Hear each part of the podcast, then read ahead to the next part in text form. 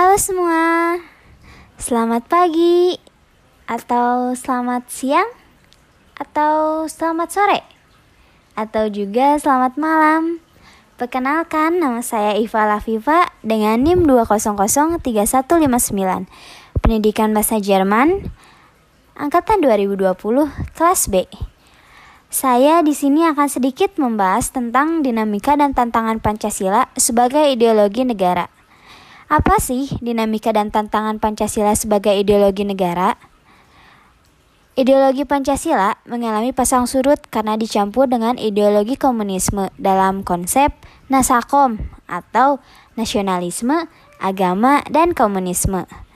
Pancasila juga menjadi asas tunggal bagi seluruh organisasi politik dan organisasi masyarakat. Pada era reformasi, Pancasila sebagai ideologi negara mengalami pasang surut ditandai dengan beberapa hal, seperti enggannya para pemerintah mewacanakan tentang Pancasila, bahkan berujung pada hilangnya Pancasila dari kurikulum nasional. Meskipun pada akhirnya timbul kesadaran pemerintah tentang pentingnya Pancasila di perguruan tinggi.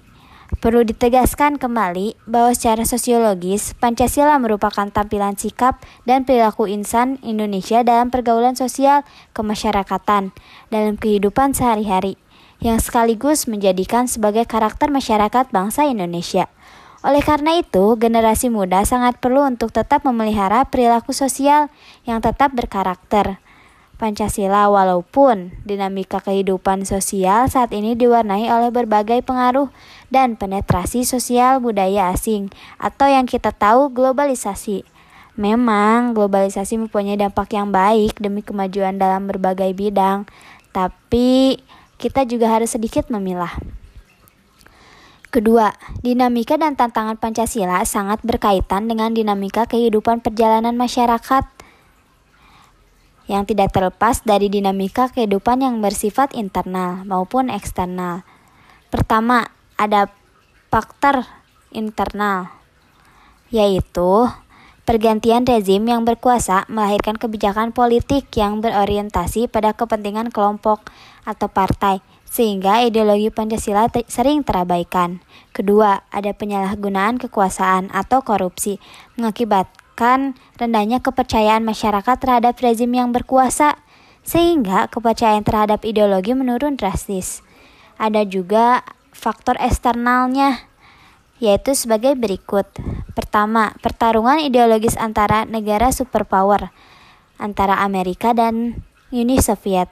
Kedua, menguatnya isu kebudayaan global yang ditandai dengan masuknya berbagai ideologi asing dalam kehidupan berbangsa bernegara karena keterbukaan informasi. Meningkatnya kebutuhan dunia sebagai akibat bertambahan penduduk dan kemajuan teknologi sehingga menjadi eksploitasi terhadap sumber daya alam secara masif. Ketiga, ada esensi dan urgensi Pancasila sebagai ideologi negara.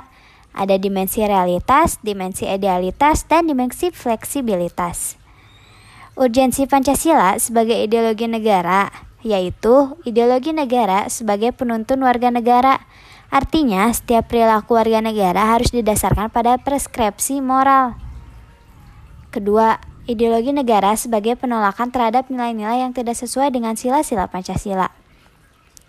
Dari pernyataan di atas, saya di sini sedikit menyimpulkan bahwa pentingnya Pancasila sebagai ideologi negara bagi mahasiswa adalah untuk memperlihatkan peran ideologi sebagai penuntun moral dalam kehidupan bermasyarakat, berbangsa, dan bernegara, sehingga ancaman berupa penyalahgunaan narkoba, terorisme, dan bahkan korupsi dapat dicegah. Di samping itu, Pancasila sebagai ideologi negara pada hakikatnya mengandung dimensi realitas, idealitas, dan fleksibilitas yang memuat nilai-nilai dasar, cita-cita, dan keterbukaan sehingga mahasiswa mampu menerima kedudukan Pancasila secara akademis. Segitu yang bisa saya sampaikan. Terima kasih.